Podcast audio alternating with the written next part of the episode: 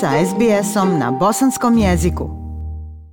Aisha, lijep pozdrav tebi i slušateljima SBS radija. Evo me ponovo sa redovnim izvještajima iz glavnog grada Bosne i Hercegovine nakon kraćeg godišnjeg odmora. Dakle, u nastavku ću vas izvijestiti o nekim od najznačajnijih događaja koji su obilježili proteklu sedmicu. 31. augusta održana je redovna sjednica predsjedništva Bosne i Hercegovine u Sarajevu i za sve tačke dnevnog reda glasali su predsjedavajući predsjedništva Željko Komšić i Šefik Džaferović, član predsjedništva, dok je protiv bio drugi član predsjedništva Milorad Dodik. Sa dva glasa za, Komšića i Džaferovića i jednim glasom protiv, onim Dodikovim, predsjedništvo Bosne i Hercegovine nije postiglo konsenzus o odlukama iz oblasti vanjske politike. E, odmah nakon održane sjednice predsjedništva Bosne i Hercegovine, član predsjedništva Šefik Džaferović e, kazao je da obstrukcije rada kolektivnog šefa države ne vode ničemu. Džaferović smatra da bi visoki predstavnik Međunarodne zajednice u Bosni i Hercegovini, Kristijan Schmidt, trebao dijelovati konkretno, trebao bi smijeniti Milorada Dodika. Evo, poslušajte izjavu Šefika Džaferovića. Mi danas nismo mogli završiti proces imenovanja ambasadora, davanje agremana ambasadorima koji su druge države imenovale. Tako da je ugrožena zapravo nadležnost predsjedništva Bosne i Hercegovine.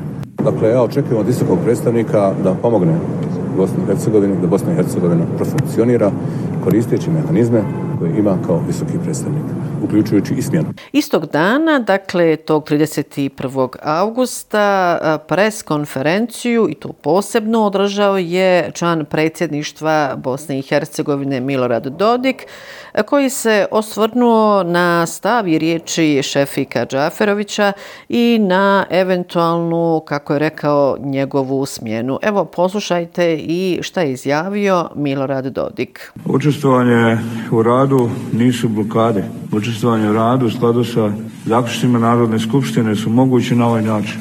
Rekli smo i Narodna skupština rekla da nema odlučivanja dok se ne obavi dijalog koji stalno predlažemo želju da postavimo sva otvorena pitanja u Bosni i Hercegovini na dnevni red, da se od njih pokuša dogovoriti i naprosto riješiti pitanje nametnutog zakona za koji mi smatramo da je neodrživ.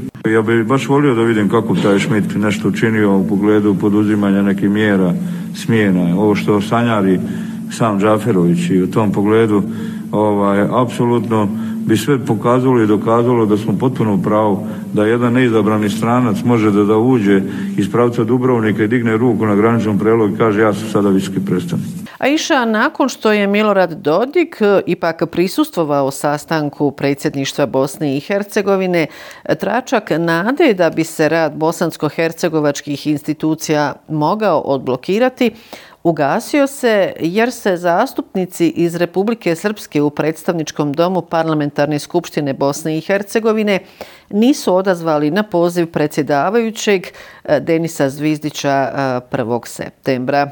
Eh, cilj sastanka trebao je biti razmatranje daljnjeg rada ove institucije s obzirom na to da je posljednja sjednica otkazana, a neke od ključnih tačaka dnevnog reda nisu usvojene. Podsjetit ću, do kraja septembra bi se e, morala donijeti odluka o privremenom finansiranju. E, prema riječima Denisa Zvizdića, e, očekuje, dakle on očekuje da ministri glasaju za to u protivnom 7000 uposlenika u državnim institucijama koje dolaze sa teritorije Republike Srpske ostaće bez plata. E, e, pogoršana epidemiološka situacija u Bosni i Hercegovini, dakle svakodnevno se povećava broj e, oboljelih i onih koji e, zahtijevaju bolničku njegu. Ono što je bitno da aktuelne epidemiološke mjere ostaju na snazi i u Federaciji Bosne i Hercegovine i u Republici Srpskoj. 31. avgusta eh, održan je sastanak u Sarajevu u vladi Federacije Bosne i Hercegovine. Na tom sastanku je donesen zaključak da aktuelne epidemiološke mjere ostaju na snazi, a entitet e, neće ići u zatvaranje. Ovom sastanku prisustovali su federalni premijer Fadil Novalić e, sa predstavnicima zdravstva u federaciji kao i kantonalni premijeri i ministri. E, evo šta je kazao premijer Federacije Bosne i Hercegovine Fadil Novalić. Riječ restriktivno zamijenit ćemo fleksibilno.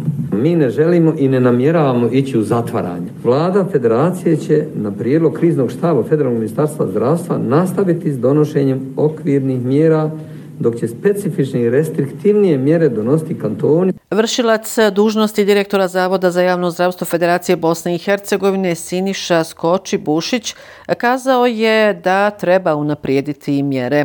Dodao je da je do sad u Federaciji Bosne i Hercegovine vakcinisano prvom dozom 17,46%, a objema dozama 10% građana. Aplicirano je 505.407 vakcina.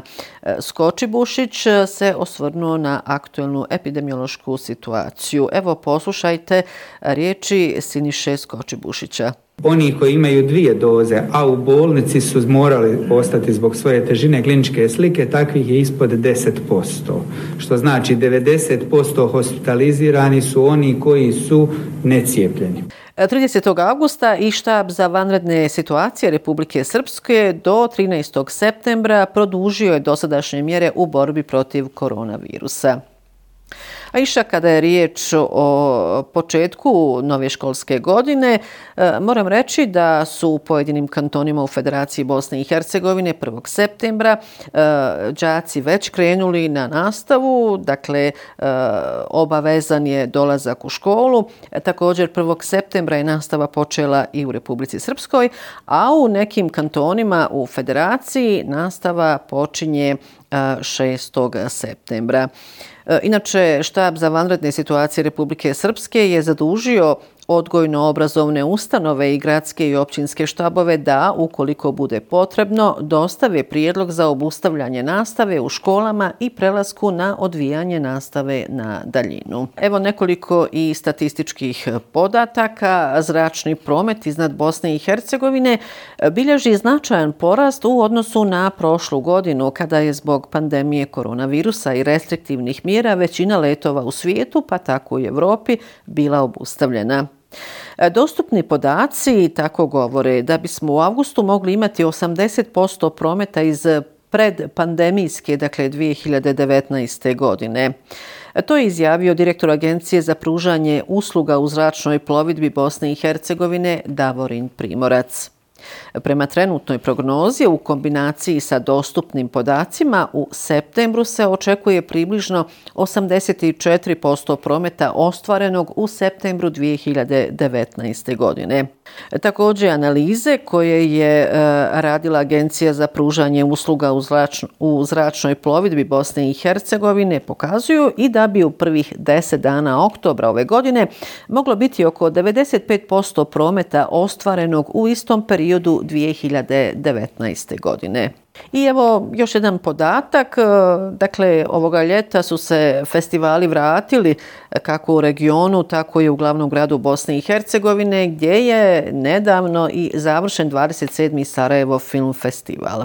Iz turističke zajednice e, Sarajeva su rekli da je Bosansko-Hercegovačku prijestonicu za vrijeme Sarajevo Film Festivala posjetilo 13.356 stranih državljana. U odnosu na 2000 2019. godinu broj dolazaka turista za vrijeme održavanja Sarajevo Film Festivala smanjen je za 42,3%, što je 9795 turista manje. Broj noćenja za isto vrijeme u odnosu na 2019. godinu smanjen je za 29,1%.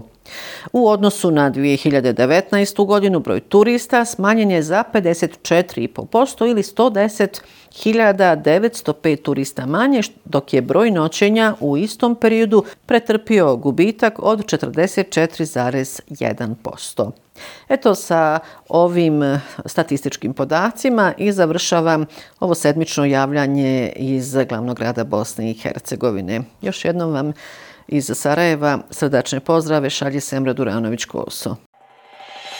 SBS na Bosanskom. Podijelite naše priče preko Facebooka.